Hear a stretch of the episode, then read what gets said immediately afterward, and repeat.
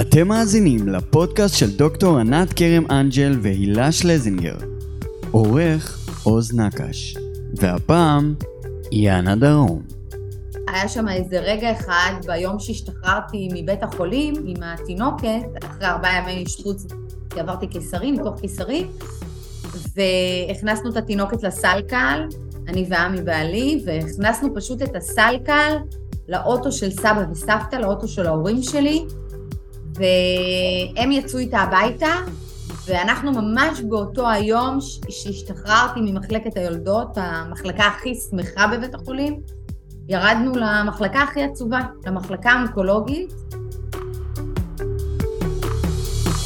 מקום טוב לרגשות. הפודקאסט נולד מתוך תשוקה וכמיהה עמוקה לאפשר לכל אחד להכיר, לדבר ולתת מקום לרגשות הלא זוהרים. מתוך עולם הטיפול והמדע שאנחנו באות ממנו, ברור שהחשיפה ובמה לרגשות הלא זוהרים משפרת את ה-well-being ומאפשרת איכות חיים טובה יותר. אנחנו מארחות כל פעם אורח או אורחת על רגש אחד. נשים ספוט מאיר על רגש פחות זוהר וניתן לו את כל הבמה הראויה. טוב, אז uh, אנחנו במקום טוב לרגשות, ולפני שאני אציג את האורחת הכה שמחה והכה משובחת שלי, אני אגיד uh, שרבי נחמן מברסלב אמר שכל מקבל את הקיים בהבנה, מאושר הוא.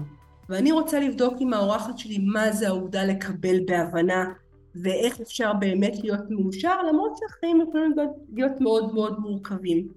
אז אני שמחה מאוד לארח את יאנה דרום. היי יאנה. מה העניינים? אני שמחה להיות פה, נראה לי אני צריכה שנייה לסגור את הדלת, כי בדיוק עכשיו, באזור השמחה. זה מה שאני כל כך אוהבת ביאנה, למרות שאני לא מכירה אותה היכרות אישית, שיש משהו כל כך מחובר לחיים עצמם, ואני אגיד רגע לפני שהיא תציג את עצמה, אה, ואני באמת לא מגזימה, היא אולי אחת המרצות הכי פנומנליות שקיימות, היא סוגרת אולמות, עושה הרצאות פשוט באמת אה, לקהלים כל כך שונים וכל כך מגוונים, ותמיד נושאים אליה עיניים. אז כשאני מתכוונת שהיא כל כך מחוברת למציאות, שהיא זוכרת מאיפה היא באה, והיא חיה את החיים שלה, ולא משנה כמה הצלחות מדהימות היא עושה בחוץ.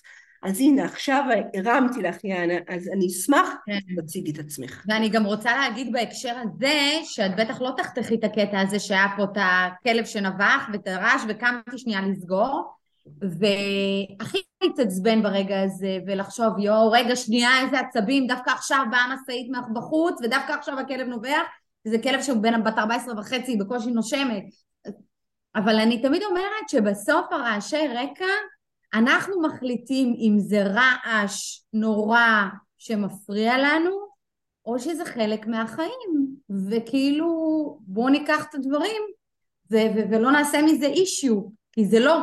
רוב הדברים, אני חושבת שמילת המפתח זה פרופורציות, אנחנו עושים הרבה יותר עניין מדברים שהם לא באמת כאלה נוראים, וזה משפיע ישירות על המצב רוח שלנו ועל האנרגיה.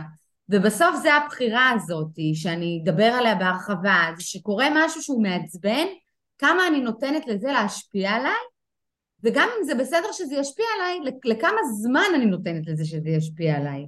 אמ, אז נרחיב בהמשך. אז אני אשמח שתציגי את עצמך. אז אה, אני יאנה דרום, אה, אני יזמית, אני מרצה, יש לי שתי חנויות אה, אופנה, הלבשה תחתונה מיוחדת לנשים שהחלימו מסרטן השד. אני מלמדת אנשים איך לגדל שמחת חיים. בימים אלה יוצא הספר הראשון שלי, המדריך לשמחת חיים. ואהבתי שהתחלתי עם אה, נחמן מברסלב, כי יש המון דברים אה, שמדברים על הנושא, על הנושא הזה של השמחה, ואני מאוד אוהבת להעמיק בהם. מעולה. אז אנחנו לפני שאנחנו נעמיק במקום של השמחה, אה, אני לא יודעת אם כולם מכירים, אם תסכימי רגע לספר את סיפור חייך, איך הגעת בכלל למקום הזה של אה, הגדלת שמחת חיים, ודווקא לדבר מתוך המקום, אני לא יודעת אם של הכאב, אבל, אבל חשוב לי שידעו את הביוגרפיה ומה בחרת לעשות איתה. כן. אה, אני חושבת שזה טוב לדבר על זה ולהתחיל עם זה, כי הרבה פעמים זה מאוד קל לבוא ולהגיד, תעשו ככה, תעשי ככה, תסתכלי על חצי הכוס המלאה, והרבה פעמים שפוגשים אותי וכאילו אומרים, את, את בת 40, כאילו מה כבר, מאיזה מקום בדיוק את אומרת לנו, בני היותר מבוגרים או יותר צעירים, כאילו מה לעשות. אז באמת הכל, אה, קודם כל תמיד הייתי בן אדם אופטימי, נתחיל מזה. אבל זה הקצין בעקבות אה, חוויות החיים. ראית איך אני קוראת לזה? חוויות החיים. אה, אז באמת כשהייתי בת 28, בערך חצי שנה אחרי שהתחתנתי והייתי בעצם בחודש שלישי, בהיריון הראשון שלי, גיליתי שיש לי סרטן השד.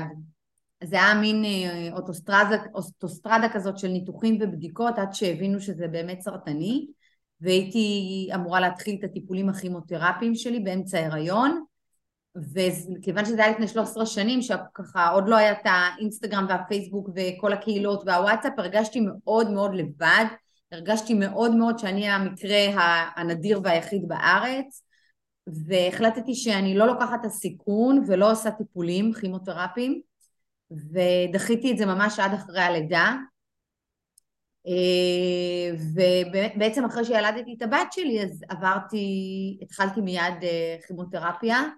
אה, היה, היה שם איזה רגע אחד ביום שהשתחררתי מבית החולים עם התינוקת, אחרי ארבעה ימי אשפוז, כי עברתי קיסרי, ניתוח קיסרי, והכנסנו את התינוקת לסלקל, אני ועמי בעלי, והכנסנו פשוט את הסלקל לאוטו של סבא וסבתא, לאוטו של ההורים שלי, והם יצאו איתה הביתה, ואנחנו ממש באותו היום שהשתחררתי ממחלקת היולדות, המחלקה הכי שמחה בבית החולים, ירדנו למחלקה הכי עצובה, למחלקה האונקולוגית, כי באמת זה כבר היה מצב שהייתי חייבת לקבל את הפרוטוקול הרפואי, כי בגלל שלא עשיתי את הטיפולים, המצב בינתיים אה, די החריף. אני רוצה ו... רגע, רגע, יאנה, כל המעברים האלה, אני כאילו שומעת את זה ואני כאילו, את יודעת, הגוף שלי בצמרמורת ואני כפסיכותרפית מלווה הרבה נשים, הריון, לידה, לצערי לידות שקטות, סרטן, זאת אומרת, זה לא שאני לא מכירה את העולם ועדיין לשמוע אותך, אני מדמיינת את התמונה הזאת, זו תמונה קשה מנשוא, לא משנה כמה אופטימית את, ואני רוצה רגע לשאול אותך רגע קודם, איך מחזיקים הריון בידיעה שיש לך סרטן? זאת אומרת, איך, איך, איך מצד אחד מגדלים חיים ובידיעה שיש משהו בתוכך שברוך השם נשארת בחיים ואת סופר בריאה ויש לך תפקיד מאוד חשוב בעולם, אבל אנחנו יודעים שזאת גם מחלה שיכולה לקחת חיים. כן.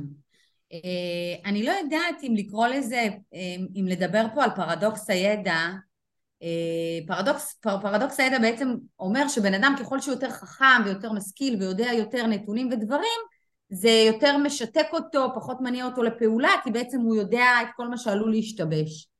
אה, אני התנהגתי כמו ילדה קטנה בתקופה הזאת, זאת אומרת, אה, לא קראתי, לא נכנסתי לסטטיסטיקות, לא העמקתי, לא, לא באמת, כאילו הייתי באיזושהי אופטימיות שהיא קצת אופטימיות, אה, אה, נקרא לזה מתעלמת.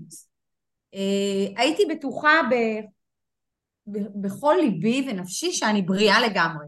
זאת אומרת, עברתי במהלך ההיריון אה, גוש אה, ניתוח להוצאת הגידול, ומבחינתי מהרגע שהחלמתי ולא, וסופית החלטתי שאני לא עושה טיפולים, הרגשתי שאין לי סרטן והכל בסדר. מדהים.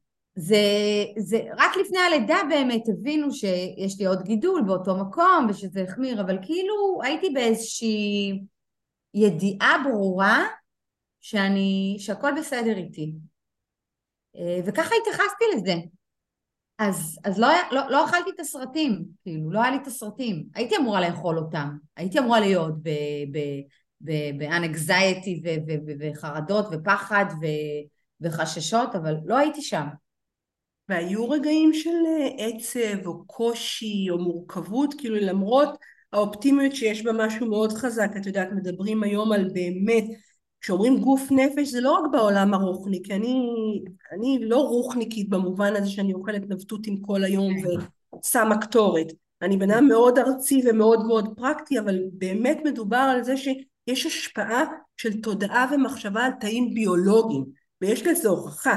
את יודעת, גם כשאני מדברת בהרצאה שלי, יש הוכחה שבודקים אנשים שחולים בסרטן, כאלה שכן מתמודדים באופן מיטיב וכאלה שלא, ממש רואים הבדל במערכת החיסונית שלהם, בדם. אז, וואו. אז אני מבינה, מצד אחד אני אומרת, וואו, איזה מדהים שנשארת כמו הילדה הזאת שלא מקבלת אובר נתונים, אלא, אלא הולכת עם איזה תחושות פנימיות מאוד חזקות. כן. ואני אשאל האם בתוך כל זה כן היו, כן הרשית לעצמך לכאוב, להיות עצובה, נתת לזה מקום? יודעת, שואלים אותי את זה הרבה, כי גם כשאני מדברת על זה בהרצאה, אז אני מספרת את זה בהיבט המאוד אה, אה, אופטימי שלי. ופעם אחת מזמן מישהי ממש ניגשה אליי בסוף, והיא אומרת לי, יאנה, אבל למה את לא מדברת על המקום הכואב, על הכאבים, על הקושי?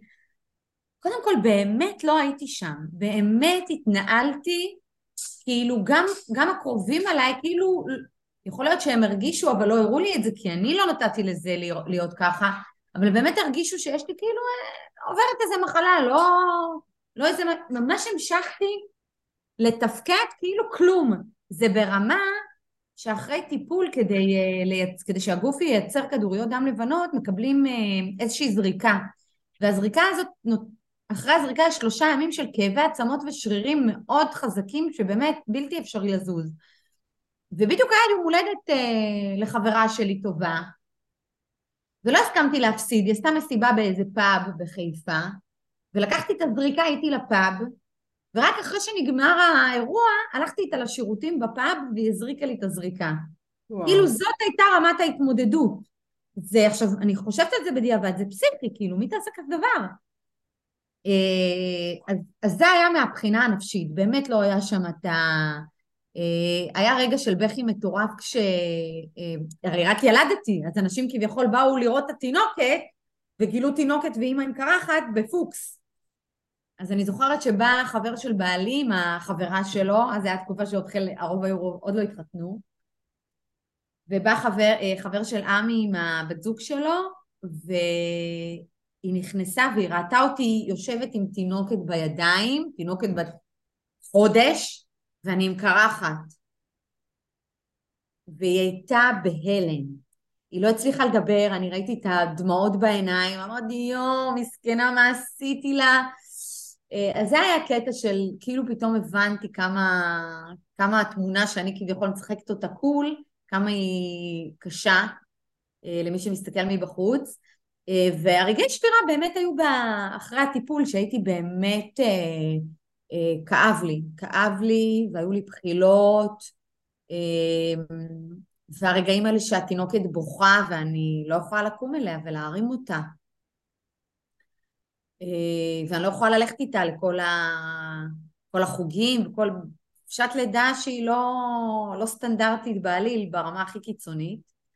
Uh, עדיין הייתי הולכת איתה לשופינג, תמיד אני אומרת שהקניון עשה לי טוב, הייתי למרות, תמיד יודעת, אחרי הטיפולים אומרים לא, המערכת החיסונית חס, חד, חד, חלשה, אל תצאו, אל תסתובבו עם אנשים. אני הגישה שלי זה הסרטן שונא, בכלל כל מחלה, את מה שעושה לנו טוב. אז אם הקניון עושה לך טוב, תלכי. זה לחתור ללכת לבית קפה, תלכי. כאילו אי אפשר, אי אפשר לתת לפחדים לנהל אותנו, אין לזה סוף למה שעלול להשתבש. נכון, ואני אשאל, ולא ממקום חלילה של אה, לדכא שמחות, ממש לא, או לקלקל מסיבות, איך שלא נקרא לזה, אבל בתור מישהי שחלק מהחזון שלה ובכל מקום אפשרי אני, אני שמה על הבמה גם את החלקים הלא זוהרים בגלל החשיבות. לחלקים האחרים, אני אשאל אותך כבן אדם כל כך אופטימי, ושבאמת, זאת אומרת, כמו ילדה, אני בכלל לא התייחסתי, התייח... עשיתי מה שצריך מבחינת המחלה, אבל לא התייחסתי שאני חולה, אני אשאל אותך, איך, עד כמה אפשרת לעצמך באמת את הרגעי שבירה האלה, ואת המקומות של להסתכל ולהגיד, וואו, אני לא יכולה לתפקד כמו אימא רגילה כרגע, ובאמת הגוף כאב, זאת אומרת, אפשר, אנחנו נגיד לעצמנו אלף ואחד דברים, אבל כשהגוף מדבר אנחנו לא יכולים להתעלם ממנו. אז עד כמה באמת אפשרת לעצמך את המקום הזה ו, ואיך אפשרת בתור בן אדם שכל כך אה, כל כך חשוב לו לחיות וכל כך אופטימי וכל כך שמח כאילו מישהו פתאום שם לך רגע ברקסים שנייה לא לכל כן. החיים אבל רגע דווקא בנקודה הכי שאתה מורד בחופשת לידה והכי להיות בחופש שלך היית בטיפולים והיית בתוך מקום מאוד כאוב, כמה, כמה המקום הזה באמת אה, יכל להיות, וכאילו, איך עשית את זה? אני אשאל את זה. אז תראי, אני אגיד לך מה, בתקופה של הטיפולים לא נתתי לעצמי להישבר, לא היה שם, לא היה שם המקום, הפורקן בא אחרי. כאילו בשלב הבא שעברתי, דווקא אחרי שכבר החלמתי מהכל, אחרי שעברו איזה שנתיים וחצי, ועברתי ניתוח ל... לשחזור השד שלי, דווקא בהחלמה הזאת נתתי לעצמי להתפרק ואפשרתי לעצמי לקבל המון עזרה. מדהים. כאילו, זה היה, בעשור האחרון שאני מלווה נשים שהן חולות, מתמודדות, אני אומרת להן, אל, קחו, קחו את העזרה, תתרסקו, תפלו, תהיו, מס, ת, תהיו מסכנות, תבקשו עזרה, תקבלו עזרה, אל תשחקו את הגיבורות. לי לא היה מישהו שיגיד לי את זה בצורה כל כך מפורשת. ואפשרתי, וכאילו היה לי את הפיצוי הזה, באמת בניתוח שעברתי, ניתוח מאוד גדול של כריתה ושחזור מניעתי וזה, וזו החלמה מאוד מאוד קשה, ושם ממש ביקשתי מחברות שיבואו וינקו לי ויטפלו בי ויקלחו אותי, דברים שלא עשיתי ב... ב... בסבב, ב... ב... בחלק הראשון של המחלה בהתמודדות, הייתי ממש כאילו וונדר וומן בכל הפרמטרים. ואת יודעת למה זה כל כך חשוב בעיניי, מה שאת אומרת? כי אני חושבת שבסופו של דבר מחיר של הדחקה הוא מאוד מאוד גדול. עכשיו זה בסדר שכשבתקופת הטיפולים, מה שנקרא התגייסת, תודעתית, רגשית, פיזית, כאילו לא נתת לעצמך להתפרק. אבל אני חושבת, ואני אגיד את זה מאוד בעדינות, כאילו, כי אני לא באמת יודעת, אני רק אומרת מתוך התפיסה שלי, ומתוך היכרות נורא נורא קטנה איתך ובידיעה של מה שאת עושה היום, אני חושבת שבזכות הפורקן הזה, כשנתת לעצמך להישבר עד הסוף, מה שנקרא, שיקלחו אותי, שידאגו, ממש היית כמו, כמו כזאתי חומר ביד היוצר, אני מקבלת בצד ובכי ורגשות, שום וונדר וול, כאילו המאה שמונים מעלות, התפרקת ונבנית למקום שבו את נמצאת היום. כן. אני, אני מבינה מה שאת אומרת, אני מסכימה עם זה, אבל אני לא בטוחה במאה אחוז. כאילו, אני יודעת שיש את ה... ובאמת המון גם מטפלים מדברים על זה, ואנשי מקצוע, צריך לתת מקום בכאב, ולשהות בו, ולתת, ולאפשר. לא יודעת, אני, אני חושבת שכאילו אם לא הייתי עוברת את הסאגה של הניתוח וכל מה שהייתי צריכה בשביל להתמודד עוד פעם עם המצב המסכן שאליו הגעתי, פיזית, ואני לא יודעת, אני הרבה פעמים מרגיש לי ש... שהדחקה גם יכולה לשרת אותנו. ואני חושבת שבאמת זה, זה עניין של, של אופי ומי אתה ואיך אתה מתנהל. לא יודעת, לא יודעת. זה מעניין, כי אני, אני, אני לא... מאוד מעניין, תראי, זה מאוד אני, מעניין. אני, אני אגיד משהו כזה, יאנה, אני לא חושבת שכל היום, וזה חשוב לי תמיד להגיד, צריך לדבר את הרגשות, אפילו בתור מטפלת, כן, ומטופלת, ובאמת אני 17 שנה כבר בתוך התחום, ומטופלת ומטפלת בהמון שיטות והמון כלים, ואני כל הזמן לומדת, אני לא חושבת שכל היום אתה צריך לדבר על הכאב שלך ועל העצב שלך ועל הקושי שלך, ובכל הזדמנות לפרוק אותו, רק אני אומרת, יש איזשהו שלב שכבר ההדחקה היא כמו פוגעת במערכת פנימה, היא כאילו יש לה איזו יכולת מאוד מסוימת שהיא יכולה לשרת אותך תקופה מסוימת, אבל אני חושבת שלאורך שנים מתישהו היא כבר פוגעת בחזרה, או, או מעכבת אותך, או לא מאפשרת לך, זאת אומרת באיזשהו מקום, וכל אחד יחליט איך הוא מפרק את זה, בסדר? אני לא אומרת סשנים שלמים של שנים של טיפולים, אבל באיזשהו מקום צריך לעשות משהו עם ההדחקה הזאת מתישהו, ועובדה שאת עשית איתה. כן, כי נקלעתי למצב שלא לא הייתה לי ברירה, כאילו. לא בטוח. לא בטוח, יכול להיות שגם את זה יכול באיזשהו מקום לבקש איזו עזרה סודית מאיזה חברה אחת. אני אומרת שאף אחד לא ידע ולהגיד לה רק את הדברים באמת שאת ממש לא יכולה. את כאילו כמו שפתחת ואמרת זהו עכשיו די, שכולם יעזרו לי. כן. והיית מאוד מאוד בפגיעות ובחשיפה שלך בלי להכיר אותך אז. אני מגזימה? במה שאני אומרת? לא, ממש לא. אוקיי. אז, אז אני אשאל אחרי שכאילו התפרקת, אני אומרת לזה, ובאמת אפשרת לכולם לעזור. ואני אומרת, גם חברות ראו אותך ב, במלוא חולשתך ושבירותך. כן. מה קרה אחר כך? אה, מה קרה אחר כך? כן, אחרי, אחרי שעברת את כל התקופה הזאת. אחר כך בעצם הגיע השינוי הגדול שעשיתי בחיים, שזה באמת uh, להתפטר מהעבודה שלי כמנהלת שיווק בנמל חיפה, ולהחליט שאני פותחת עסק שהוא, שהוא כולו מיועד למחלימות סרטן השד. אגב, בשביל זה כן הייתי צריכה את התקופת אה, צינון מהסרטן, כדי להיות בכלל מסוגלת לעזור לאנשים אחרים. אז uh, באמת זאת הייתה uh, החלטה שהחזירה אותי להתעסק במשהו שכל הזמן ניסיתי, uh, שרציתי כאילו לנתק. והיה באמת התקופה של הניתוק, היו שלוש שנים שכאילו לא דיברתי על הסרטן, לא דיברתי, לא תמכתי, לא, לא עשיתי כלום, הייתי צריכה כאילו שקט. ואז החלטתי לפתוח את העסק וחזרתי במלוא העוצמה והייתה תקופה של שנה של הסתגלות, כי אתה כל הזמן, אני, אני כל הזמן הייתי חשופה לסיפורים, סיפורים קשים. זה כל הזמן זורק אותך אחורה, זורק אותך אחורה, את עושה צעד קדימה, שמונה אחורה. אה, אבל המשמעות וה, והטוב שזה עשה, שהעסק שלי, כאילו השינויים ש, והחוויות ש, שקרו בתוך ה... קוראים לזה חנות קטנה ומטריפה, הם היו פשוט, הם, הם המנוע שלי. לא כולם יודעים, את אומרת העסק שלי, העסק שלי, אבל, אבל תגידי... אז אמרתי בהתחלה, זה חנויות, כן, זה חנויות של הלבשה תחתונה, בגדי ים, באמת אנשים שואלים מה נשים אחרי סרטן השד צריכות, אז זה באמת אה, נשים שעברו כריתה בלי שחזור, או שחזור שלא הצליח, כמו שאני הייתי שנתיים וחצי עם פרוטזה, אז צריך פרוטזות שד וצריך חזיות מיוחדות, להכניס את הפרוטזות בפנים. אה, כל מיני פתרונות שיער לתקופה של הטיפולים הכימותרפיים, דברים שהם יותר מגניבים, שטסתי באמת הברית כדי לייבא אותם, אה, כובע מצחייה שמחובר אליו שיער, כל מיני תוספות שיער מדליקות, מטפחות ראש, צבעוניות שמחות, דברים לניתוח. אחד הדברים שהצבתי זה שאחרי שעשיתי את הניתוח הגדול הזה שבו התרסקתי, באמת עברתי שחזור אה, פלסטי מאוד קשה מהשרירים של הגב, וכשהייתי המסכנה הזאת בבית, אז לא הצלחתי להתלבש, כי הכל היה כל כך כאוב שלא הצלחתי להרים את הידיים ולהכניס חולצה. ואז בעצם הצבתי איזה סוג של קימונו וטוניקה, שמלבישים אותם אה, בלי להרים את הידיים, עם רוכסן מקדימה וקשירה מקדימה, ועם אה, כיסים כאלה פנימיים להכניס נקזים שיש אחרי ניתוח, אה, וזה באמת מקומות שאני אומרת ש...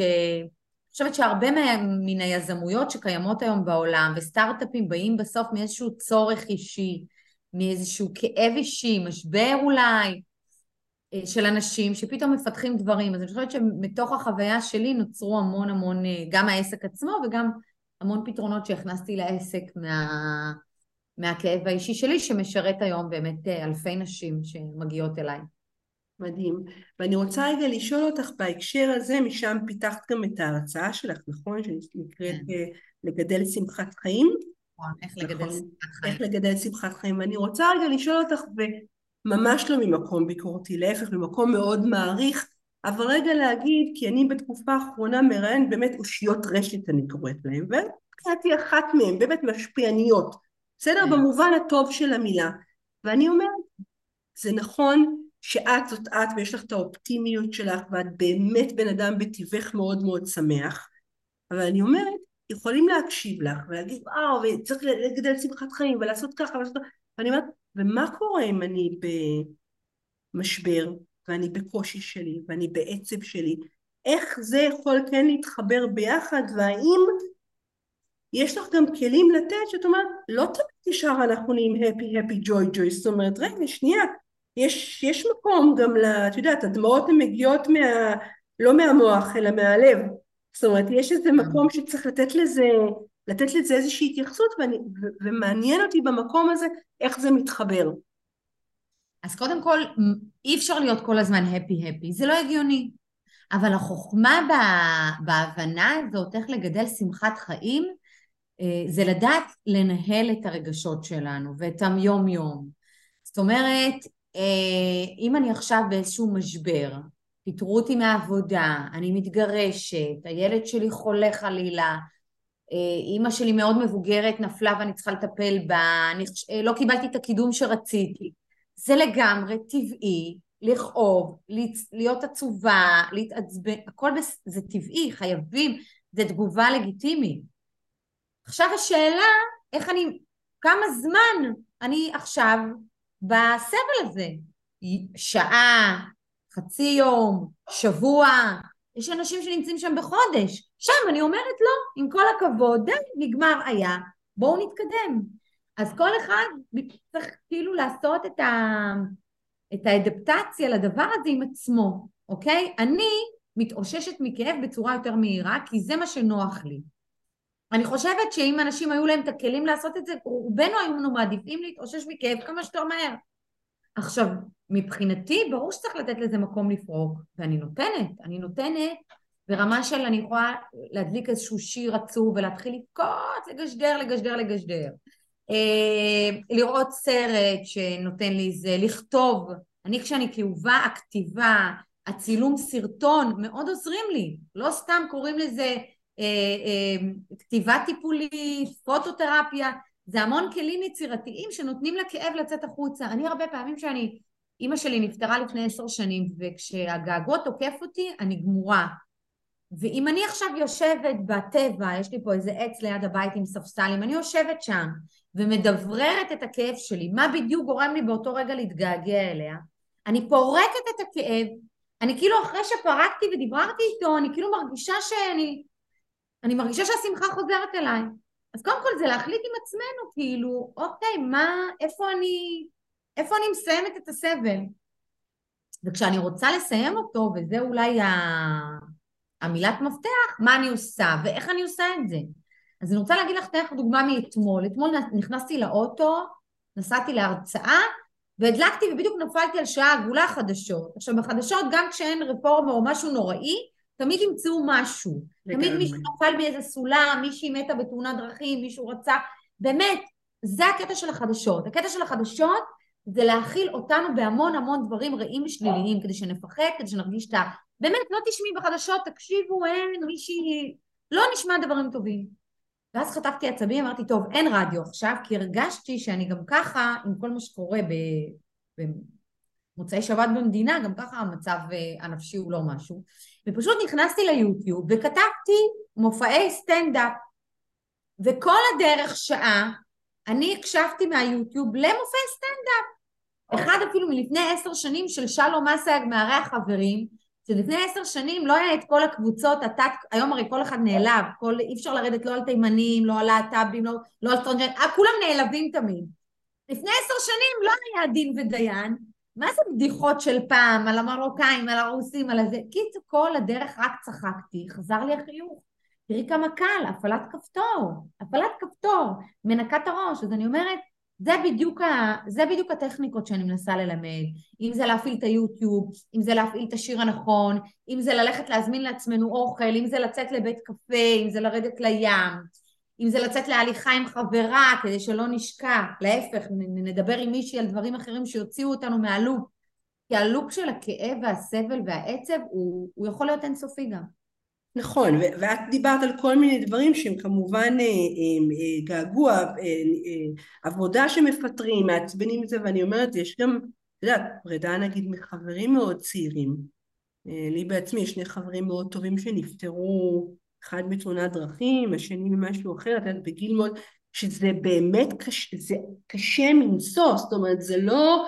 זה לא משהו שאני יכולה להגיד, וגם בטח את לצערי מכירה אנשים שבסופו של דבר לא, לא מבריאות לצערי מהסרטן. זוכרת שהתחלנו את השיחה ואמרתי לך פרופורציות? אז אני אומרת, לא צריך את האירועים הקיצוניים האלה שקורים הרבה פעמים מסביבנו, תודה לאל שזה מסביבנו, לי זה קרה באופן אישי שחליתי בסרטן, כדי להעיר אותנו. אני אתמול מדברת עם בחורה שלפני חצי שנה חלתה בסרטן, כלשהו, והיא אומרת לי, בזכות הסרטן, תראי כמה עצוב, בזכות הסרטן התפטרתי מההייטק, הייתה אנליסטית בחברת הייטק, עם משכורות בהתאם, והלכה ללמוד במכון אדלר הדרכת הורים, כי זה מה שהיא רצתה. אז אני אומרת, למה צריך את המשבר? למה צריך לשמוע על החבר ההוא בגיל 45 שנפטר לפתע בדום לב ב' בזמן שהוא מטפס על המצ'ו פיצ'ו, לא יודעת מה, לפעמים הרי זה קורה בסיטואציות הכי הזו. נכון. בואו נלמד לנהל את החיים שלנו ולקחת אותם בפרופורציה, ובהתאם לזה גם לעשות דברים שמשמחים אותנו, בלי לחכות לרגע הנכון או למשבר, כדי שיעורר אותנו. אז, אז, אז כל מה שאת אמרת זה ממש מודל שאני כאילו כמו מלמד אותו במובן הטיפולי. רק דבר אחד שהוא מאוד חשוב מבחינתי, וזו נקודה מדהימה, שצריך לזהות שאנחנו נמצאים ברגש הזה. כי את מזהה, אבל לפעמים אנשים יכולים להיות בתוך הלופ הזה לא באופן מודע אפילו. את כאילו לדבר זה כן, קשה לי, כן, זה כזה, אבל לא לעצור ולהגיד רגע שנייה, כרגע אני מאוד מתגעגעת לאימא שלי שנפטרה, כרגע אני מאוד בכעסים או בתסכול או בפחד ממה אני אעבוד או במה אני אעבוד כי פיטרו אותי. זאת אומרת, המקום הזה קודם כל להכיר בעולם הרגשות הוא מאוד חשוב. נכון. למרות שאני הרבה פעמים גם אומרת, אוקיי, הכרתי ברגש, ואז אני מספרת לעצמי סיפור חדש, ואני באמת משתדלת גם לאנשים לתת את, ה... את, ה... את הטעימה הזאת, באיך לספר לעצמנו את הסיפור אחרת. זאת אומרת, פיטרו אותי מהעבודה, זה לא סתם. יש תפקיד אחר, יותר טוב שמחכה לי. או, או סתם, אני נגיד אה, אה, בחור גרוש, ופיטרו אותי עכשיו מהעבודה, זה לא קרה סתם. בעבודה החדשה שלך אתה עכשיו הולך להכיר את הפרק ב' שלך. כאילו אני מספרת לעצמי את הסיפור כדי לעכל לפעמים את הבשורה בצורה פחות, אה, פחות קשה, אוקיי? לעדן את הבשורה, מה שנקרא. לספר לעצמי, את יודעת שאני פעם שמעתי, את מכירה את גרי וי, הוא מנטור אמריקאי שרוט לגמרי. כן, כן. כן. לדעתי כבר לא מיליוני עוקבים יותר מזה, עשרות מיליונים. הוא כל הזמן מקלל, הוא כל הזמן מדבר כאילו מהבטן. והוא אמר לפעמים שבשביל להרגיש טוב עם עצמו, אם הוא מרגיש קצת רע, הוא מדמיין את התסריט הכי גרוע שיכל לקרות. למשל, סתם, הוא מרגיש זה, הוא אומר, אני מדמיין שעכשיו כל המשפחה שלי מתה בתאונת מטוס. עכשיו, כל עוד זה לא קרה, אז אין לי סיבה להיות עצוב. כאילו, זה הקיצוני, זה, זה, זה להגיד, אוקיי, מה קרה כבר? אז פיטרו אותי מהעבודה, משהו הרבה יותר חמור יכל לקרות. אז אני לא לוקחת למצב הקיצוני הזה, אבל אני כן מנסה אה, אה, באמת אה, דברים לפעמים שקורים, אה, לקחת אותם אה, ולספר איזשהו סיפור לעצמנו שיעזור לנו להתמודד עם זה יותר טוב. שזה, שזה רעיון מעולה, ושוב אני אגיד, אני, אני חושבת שזה חייב לבוא אחרי רגע, חמש דקות, שעה, שלוש שעות, שאנחנו כן שבוע. מכירים, שבוע מכירים במצב, כי שוב אני אגיד, בעיניי זה מדהים התהליך שאת עשית, כי ברגע שיכולת כבר להתפרק, אז באמת התפרקת עד הסוף. זה לא כזה בחדרי חדרים, איזה חברה, שוב אני אומרת, באמת נתת שיעזרו לך וקילחו אותך וטיפלו, וכל הדבר הזה קרה, וזה מה שאפשר לך את כל הבנייה המדהימה שלך ואת כל היצירתיות ב... ל- ליצור בגדים מיוחדים לנשים שהן עוברות והבגדי ים והפאות וה, וההרצאה המדהימה שאת נותנת, שאת באמת נותנת בכלים, כשאני אומרת, אני חושבת שכל זה בזכות זה שגם אפשרת. ועכשיו אני אומרת, כל אחד יאפשר, כמו שאת אומרת, מתי שהוא יכול, בפרק הזמן שהוא יכול, לכמה זמן שהוא יכול, אבל ההכרה ברגש הזה היא מאוד מאוד חשובה כדי ליצור את הרגש האחר. זה מאוד חשוב. וגם אני רוצה להגיד משהו ש... שהוא, שהוא חשוב לי להעביר אותו. יש דבר, יש אסונות שאנשים עוברים ש, ש, שזה, שזה לא ככה, כאילו, את יודעת. אה, עכשיו, את יודעת, יש אנשים שבשבילם משהו, סרטן זה האסון הכי נורא. אני לא חושבת. אני חושבת שיש אסונות ואובדנים שאנשים חווים, שאני לא יכולה לתת להם שום אה, טיפ אה, שהוא... לא יכולה, את יודעת, יש, יש דברים שהם מבחינתי כמו טאבו, אבל uh, יצא לי לא מעט אחרי ההרצאה שאנשים ניגשו אליי שהם עברו את הטאבו שאני מדברת עליהם, אם זה מישהי שחלקה איתי... לאבד ילד? כן, כן. מישהי חלקה איתי שהבן שלה התאבד, או שמישהי שאיבדה תינוק ומוות בעריסה וכל מיני...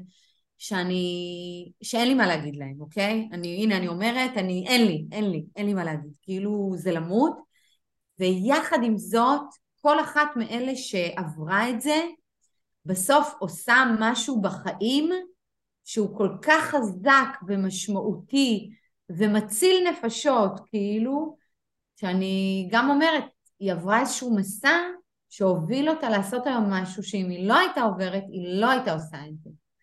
אז ברור שהיא לא הייתה בוחרת לאבד ילד או, את יודעת, או בן זוג או משהו כזה שהוא מאוד קשה, כדי להיות איפה שהיא נמצאת, אבל עדיין הבחירה, הבחירה הזאת של אה, כאילו, תמיד אני אומרת שמבחינתי הפסיכולוגיה החיובית מסתכמת במשפט של מה שכבר קרה, קרה. אי אפשר להחזיר את הזמן אחורה. עכשיו, מה קורה הלאה? מה קורה מעתה ואילך? מה אני עושה? איך אני עושה? איך אני... איך אני בוחרת... אה, מה אני בוחרת לעשות? אני חושבת שזו נקודה, יאנה, אולי החטא הכי חשובות, כי בתפיסת עולמי וגם בביוגרפיה האישית שלי, אני לא יודעת אם את יודעת, ודיברתי על זה כמה פעמים, עברתי אירוע מוחי וחטפתי מחלת דם בגיל מאוד מאוד צעיר, בגיל 45, היום אני עוד מעט 51, ובאמת, כאילו, את יודעת, מבן אדם מאוד בריא לבן אדם שפגשתי את המוות ממש קרוב, וטיפול נמרץ, ותל השומר, וכל המשתמע בכך. ואני זוכרת שגם ברגע כזה, אחרי שיצאתי מטיפול נמרץ, הייתי שלושה בטיפול נמרץ, עברתי לחדר, בתוך כל החרדה שהייתי, והייתי נורא חרדה, והייתי רזה, חצי ממה שאני עכשיו, ובאמת, כל העולם מטלטל בפניי, יכולתי להגיד לעצמי בתוך כל הדבר הזה, וזה לא על חשבון משהו אחר, זה גם החרדה והפחד וכל הרופאים מעליי, להסתכל ולהגיד וואו, קיבלתי חדר עם חלון. ממש יכולתי להסתכל החוצה ולהגיד מדהים, אני יכולה לראות מתי יום, מתי לילה, ואני חושבת שירד גשם גם, זה היה בנובמבר. אמרתי וואו איזה גשם כזה בחוץ, וממש יכולתי בשנייה, באותה שנייה, עכשיו זה לא הפך אותי להיות פדם פתאום נורא שמח, להגיד וואו איזה יופי מה שקרה לי, אלא שני השבילים האלה ביחד יכולים לקרות ואני כן מאמינה ואני מסכימה איתך, אני לא מדרגת היררכיות מוות, כן, אני לא עושה לזה מה יותר מה פחות, אבל באמת יש דברים שבאמת מטלטלים עולם, עדיין אנחנו יכולים לבחור כי הבחירה השנייה זה למות זה שתי נכון. אופציות, נכון? זה או למות הכוונה, לא חיים פיזית למות, למות זה הכוונה להפסיק לחיות. כאילו mm. לחיות את מה שאתה צריך, לבוא מהמכולת, לחזור הביתה, לחכות שהם יעברו עד שאני אמות באמת. אז אני אומרת, בתוך זה, ואני מכבדת בחירות של כל אחד, יש לנו בכל רגע נתון אפשרות בחירה, לא משנה כמה המציאות היא מורכבת. ו- וזו נקודה מאוד חשובה וגם אני כמוך אני לא מאמינה בטוב שקרה לי קיבלתי מתנות אני הייתי מוותרת על כל מה שקרה עכשיו ולא משנה שאני היום בוורסיה הכי טובה של עצמי ואני מבינה שאפשר יש דברים שאנשים לא היו כאילו ש... אגב אפשר להגיד גם שיש דברים שאנשים כאילו יש אנשים שלא היו מוותרים על הסרטן כדי כי הוא לקח אותם למקום שהם לא היו מגיעים אליו אחרת. יש נשים שבאמת מבחינתם זה מתנה כן, אני מבינה, אני, אני פחות מגדירה את זה, אני חושבת שפשוט היכולת שלהם לעבור משבר, הם באמת לקחו משבר לצמיחה. אבל אני, כמו שאת אמרת, לא לפעמים, וזה מה ש... יש איזו דפיקות בתודעה שלנו כבני אדם, כי לפעמים אנחנו צריכים להגיע עד הקצה בשביל זה, אתה צריך לשבור רגל בשביל להגיד, וואו, איך אני מעריכה את זה שכל הזמן אני קמה בבוקר והולכת. אבל את יודעת, אני אוהבת שאמרתי על הקטע של החלון ב... בבית חולים שהתייחס לזה, כי אה, זה, זה גם נקודה שאני מדברת עליה לא, לא מעט, על זה שלא משנה כמה אנחנו נמצאים במקום כואב, עצוב, עצבני, מבואס, תמיד יש לנו את היכולת למצוא את הכמה נקודות אור, והכמה נקודות אור האלה הן משנות חיים. כאילו גם אני כשהייתי חוזרת מטיפול מפורקת מכאבים, אם יכולתי לעמוד על הרגליים ולנהוג באוטו שלי עם התינוקת, להכניס אותה לסלקה, להגיע לזה, אז אני אומרת, וואלה, הצלחתי לעשות את כל זה בלי תו נכה. אז כאילו המקום הזה של בתוך הקושי למצוא, אגב, גם, גם להתעורר ולהגיד, וואלה, יש לי תינוקת, זה לא מובן מאליו, תודה. לגמרי. כאילו, אז זה באמת הקטע שגם אני קוראת לזה באמת אימון. זה האימון הנפשי על, על, על, על ה... למצוא את מה טוב למרות שזה שולי, אבל השולי הזה יכול לתת המון המון, אה, המון כוח. לגמרי, ואני גם אגיד שהשולי הזה, שהוא בעיניי לא ממש שולי, הוא לא, הוא לא סותר את הקושי ואת הכאב, זה מה שאני אומרת, זה לא על חשבון, אפשר לנוע בשני שבילים, ואם אני אקח את זה רגע, נצא מעולם המחלות רגע, כדי שלא נדכא פה את כולם, ונצא רגע שנייה, אפילו המעבר שלי לאיטליה. שעל פניו את אומרת, מה, רילוקיישן, וואלה, איטליה, בכלל, כאילו, היה המון המון מורכבות, באמת מאוד, מאוד קשה, שלא אכנס אליה, כולל פתאום מצבי הבריאותי שהשתנה, כולל שתי מתבגרות, כולל בית שעוד לא היה מוכן, ומזה, המון דברים, וכולל בדידות נורא גדולה שלי כאן, אה, אה, שהיא מאוד מורכבת, ואני דאגתי גם לדבר על זה, ובתוך המקום הזה מצאתי את העוגנים. אני מאוד אוהבת לבשל, מאוד. דווקא למרות שאני באה מבית כזה הכי פולני והכי לא זה, אני מתה על בישולים ועל סירים, זה כאילו כל מה שהיה חסר לי בחיים, אני עושה את זה, ואני yeah. מאוד אוהבת את זה, אז ממש דאגתי בתוך כל המקום הזה לעשות לעצמי את העוגנים הקטנים שכאילו ישמרו עליי. ועל פניו, את יודעת, אני לא איזה מסכנה, אף אחד לא יכריח אותי לעבור למינן, את כאילו, את אומרת, ואני אומרת, בכל סיטואציה יכול להיות רגעים מאוד מורכבים. לא צריך, את התפאורה לא תבלבל אף אחד. אז מבחינתי גם חלון בתל השומר וגם את יודעת בישולים במילאן למרות שזה שני דברים מאוד מאוד שונים בתוך כן. המורכבות אתה יכול למצוא תמיד ולהיות עם הגם וגם הזה ואני חושבת שזה מקום חשוב ואת מאוד מדברת עליו לכן זה נורא נורא חשוב להגיד החיים לא תמיד שמחים וגם אתה מוצא את, ה, את העוגנים ואתה מוצא את הדברים. אתה יכול להיות גם עם המורכבות הזאת עם הגם וגם ביחד. כן. כן? כן? כן לגמרי, אני איתך בעניין הזה. אמ, אנחנו עוד רגע לקראת סיום, אמ, ואני נורא, אני, אני כזה כל הזמן נורא מחייכת כשאני רואה אותך, אף אחד לא רואה, וכזה ישר גורם לחיוך, לא משנה מה, זה גורם לחיוך במובן הטוב כזה, וכזה ישר עולה לי כזה אור בעיניים והגב שלי נהיה זקוף יותר. אני רוצה שככה תתני אולי איזה דוגמה אחרונה כזאתי, או תתני איזה, אני לא אוהבת את המילה טיפ, אלא תתני איזה הערה באלף כזאתי, שיכולה רגע, אם מישהו נמצא עכשיו בכל מצב שהוא, מה את היית ככה אומרת לסיום? אמ, וואי, זה כזה, זה קשה לבחור איזה משהו כזה... את יודעת מה, אני אסיים עם המוטו של אימא שלי, שהוא, שהוא קצת, אה, הוא קצת נקרא לו רדוד, אבל בואו נתייחס לעומק של המשמעות. אז אימא שלי אה, נפטרה לפני עשר שנים, והיא תמיד חיה לפי המוטו של אני לא משאירה כלום לאישה השנייה.